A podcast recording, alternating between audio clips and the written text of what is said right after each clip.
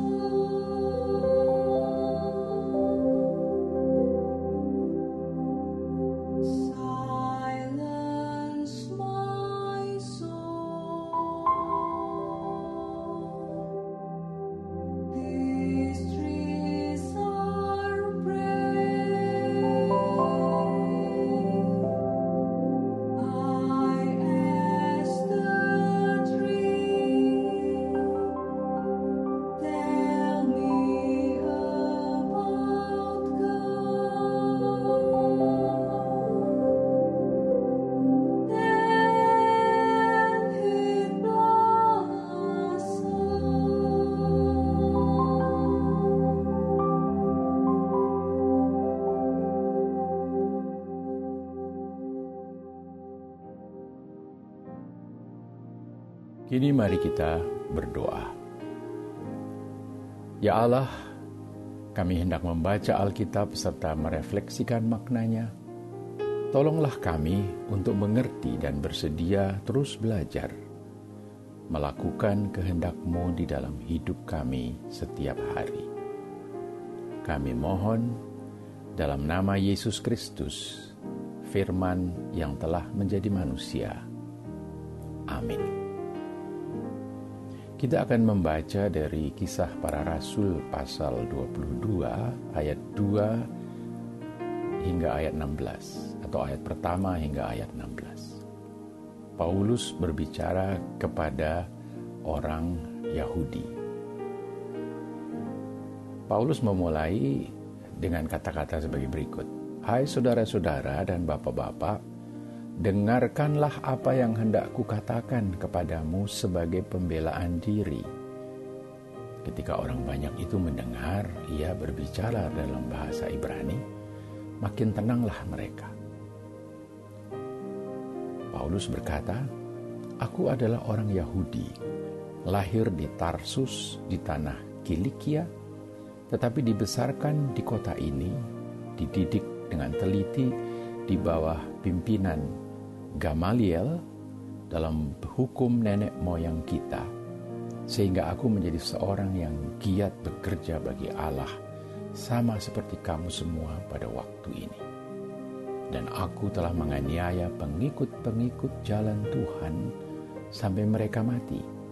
Laki-laki dan perempuan ku tangkap dan ku serahkan ke penjara tentang hal itu, baik imam besar maupun majelis tua-tua dapat memberi kesaksian. Dari mereka, aku telah membawa surat-surat untuk saudara-saudara di Damsyik, dan aku telah pergi ke sana untuk menangkap penganut-penganut jalan Tuhan yang terdapat juga di situ dan membawa mereka ke Yerusalem untuk dihukum. Tetapi dalam perjalananku ke sana, ketika aku sudah dekat Damsyik, yaitu waktu tengah hari, tiba-tiba memancarlah cahaya yang menyilaukan dari langit mengelilingi aku.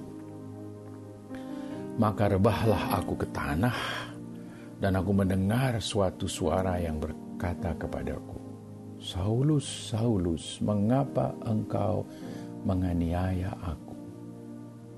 Jawabku, siapakah engkau Tuhan? Katanya, akulah Yesus orang Nazaret yang kau aniaya itu. Dan mereka yang menyertai aku memang melihat cahaya itu tetapi suara dia yang berkata kepadaku tidak mereka dengar. Maka kataku, Tuhan, apakah yang harus kuperbuat? Kata Tuhan kepadaku, bangkitlah dan pergilah ke Damsyik. Di sana akan diberitahukan kepadamu segala sesuatu yang ditugaskan kepadamu. Dan karena aku tidak dapat melihat oleh karena cahaya yang menyilaukan mata itu, maka kawan-kawan seperjalananku memegang tanganku dan menuntun aku ke Damsyik. Di situlah ada seorang bernama Ananias, seorang saleh yang menurut hukum Taurat dan terkenal baik di antara semua orang Yahudi yang ada di situ. Ia datang berdiri di dekatku dan berkata, Saulus, saudaraku, bukalah matamu dan melihatlah. Dan seketika itu juga aku melihat kembali dan menatap dia. Lalu katanya, Allah nenek moyang kita telah menetapkan engkau untuk mengetahui kehendaknya, untuk melihat yang benar, dan untuk mendengar suara yang keluar dari mulutnya. Sebab engkau harus menjadi saksinya terhadap semua orang tentang apa yang kau lihat dan kau dengar. Dan sekarang mengapa engkau harus ragu-ragu? Bangunlah, berilah dirimu dibaptis, dan dosa-dosamu disucikan, sambil berseru kepada nama Tuhan. Demikianlah sabda Tuhan untuk umat Tuhan. Nah, saudara-saudara sekalian, coba kita perhatikan biodata dan latar belakang Paulus. asal-usul Paulus, dia orang Yahudi dari kota Tarsus di tanah Kilikia. Ia mampu berbahasa Ibrani dengan lancar, bahasa suku bangsanya, yaitu bahasa orang Yahudi pada masa itu. Dan saya kira di hadapan tokoh-tokoh Yahudi, tokoh-tokoh agama, dan majelis ulama Yahudi, Dua hal pertama yang Paulus kemukakan ini menjadi sangat penting dan membuat Paulus tidak dipandang sebagai orang asing atau orang lain, tetapi orang yang dekat sekali dengan mereka. Yang ketiga, Paulus juga mengatakan tentang pendidikan teologi yang diterimanya di bawah bimbingan pakar Taurat yang bernama Gamaliel. Kalau sekarang kita menyebutnya mungkin Profesor Gamaliel begitu ya. Jadi dia tamatan pendidikan teologi yang cukup tinggi dibanding orang-orang lain. Yang keempat yang dikemukakan oleh Paulus juga adalah bahwa dia adalah warga negara Rom, warga negara Romawi karena kelahirannya. Dan karena itu ia juga lancar berbahasa Yunani, bahasa resmi dalam kekaisaran Romawi eh, serta daerah-daerah jajahannya pada masa itu. Nah, saudara, kalau kita perhatikan ke empat hal ini, maka kita bisa melihat bahwa kualifikasi Paulus memang luar biasa. Ia menguasai dua bahasa besar dengan lancar, keyahudiannya tidak diragukan, baik dari segi darah maupun dari segi pendidikan keagamaan dan teologi Yahudi dan oleh para penjajahnya juga dihormati karena Paulus ternyata warga negara Romawi dan menguasai bahasa para penjajahnya itu. Itu Paulus. Nah, saya akan bandingkan dengan seorang perempuan yang saya sebut saja Mbak Tati. Mbak Tati adalah seorang ibu dari tiga anak. Dia tamatan SMP di desa asalnya. Dia pindah ke kota dengan suaminya di sekitar tahun 80-an. Suaminya sempat bekerja sebagai koster, kemudian pindah bekerja ke sebuah assembling kendaraan bermotor. Keluarga ini lalu tinggal di pinggiran kota berdampingan dengan perumahan yang menjadi penampungan korban gusuran dari kota karena kawasan mereka akan dipergunakan untuk perluasan pelabuhan. Mbak Tati menyediakan rumahnya bagi para ibu dan anak-anak perempuan khususnya dari keluarga korban gusuran itu untuk belajar menjahit dengan sejumlah mesin jahit yang disediakan oleh sebuah yayasan. Ada sekitar 25 orang yang dengan tekun belajar menjahit di rumah Mbak Tati karena mereka berharap suatu saat akan cukup terampil menjahit dan dapat bekerja di industri garment atau industri pakaian yang tidak terlalu jauh dari perumahan mereka. Nah, dari percakapan sehari-hari pada waktu orang-orang itu belajar menjahit, Mbak Tati mengetahui bahwa ada persoalan besar yang menghalangi para suami mereka untuk mengurus surat-surat tanah dari perumahan yang mereka tinggali itu. Penyebabnya ternyata karena di lokasi hunian mereka sebelumnya yang sudah dipakai untuk perluasan pelabuhan itu, di lokasi hunian mereka sebelumnya mereka dianggap penduduk pendatang liar. Tetapi anehnya mereka menerima penggantian perumahan dari Pemda yang menggusur hunian mereka yang lama itu. Mbak Tati melihat keanehan dari sikap Pemda. Pada satu sisi, Pemda memberi penggantian tempat tinggal, di mana mereka membangun rumahnya di situ. Pada sisi lain, kelurahan setempat tidak mengizinkan pemberian KTP kepada mereka. Nah, di sinilah mulai perjuangan Mbak Tati yang hampir setiap minggu mendatangi kantor kelurahan atau kantor wali kota kadang-kadang untuk memperjuangkan agar para korban penggusuran itu diberi KTP setempat supaya mereka dapat mengurus surat-surat yang mengukuhkan hak kepemilikan mereka atas tanah yang mereka terima sebagai penggantian itu perjuangan yang tidak mudah buat seorang perempuan. Beberapa kali dia menerima tuduhan-tuduhan aneh. Mulai dari tuduhan sebagai calo KTP sampai tuduhan kristenisasi. Dan ancaman-ancaman dengan bermacam-macam cara. Kadang-kadang Mbak Tati mendatangi kantor kelurahan dan kantor wali kota sambil menggendong bayinya dan berjuang dengan suara dan kata-kata yang tegas di hadapan para pegawai dan birokrat di situ. Mendesak mereka untuk menyelesaikan soal KTP itu. Mbak Tati perlu berjuang terus-menerus dengan tekun selama saya kira hampir lima tahun. Pada akhirnya perjuangannya berhasil dan dikeluarkanlah KTP-KTP yang dibutuhkan itu.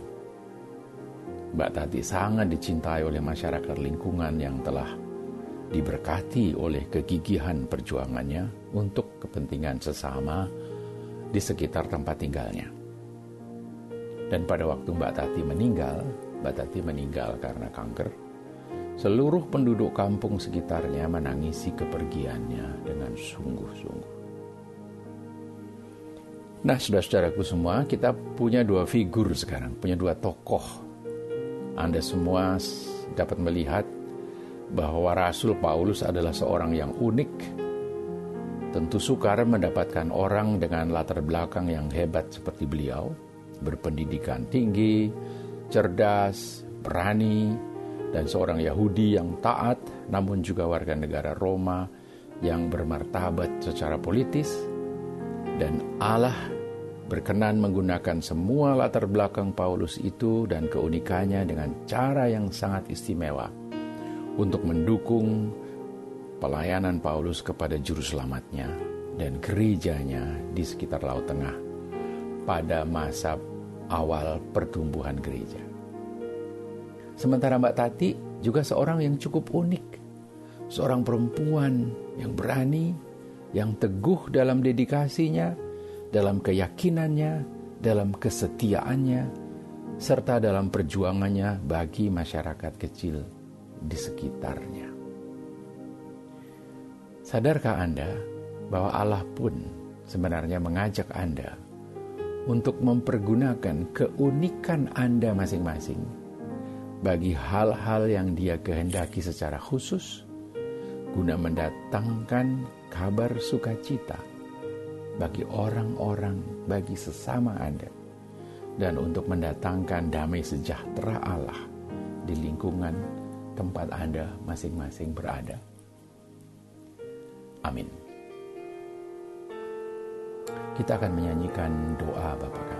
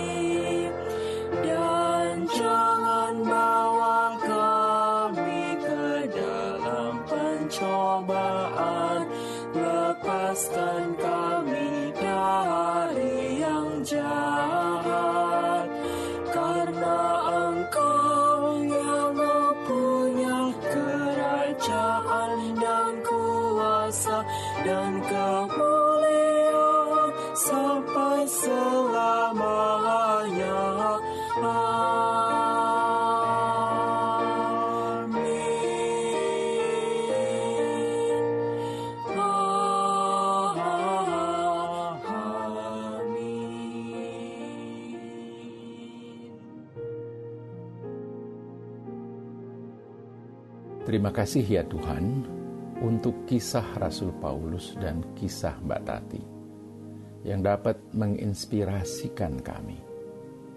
Kisah dua orang yang berbeda dari tempat dan zaman yang berbeda dengan latar belakang serta keunikan masing-masing yang telah engkau pakai untuk membawa kabar sukacita serta damai sejahteramu bagi orang-orang yang mereka jumpai atau orang-orang yang berada di sekitar mereka.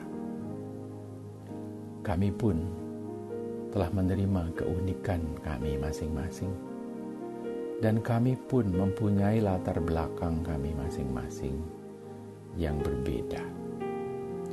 Tolonglah kami, ya Tuhan, untuk melihat dengan jeli akan setiap keunikan diri kami sehingga kami pun dapat mempersembahkannya bagi pekerjaan-pekerjaanmu untuk mewartakan kabar sukacita tentang Allah yang mengasihi manusia, serta kerinduanmu untuk menyelamatkan setiap manusia dan untuk mewujud nyatakan damai sejahteramu kepada mereka yang ada di sekitar kami, sesuai dengan keunikan kami masing-masing. Dalam pengasihanmu, kami mohon.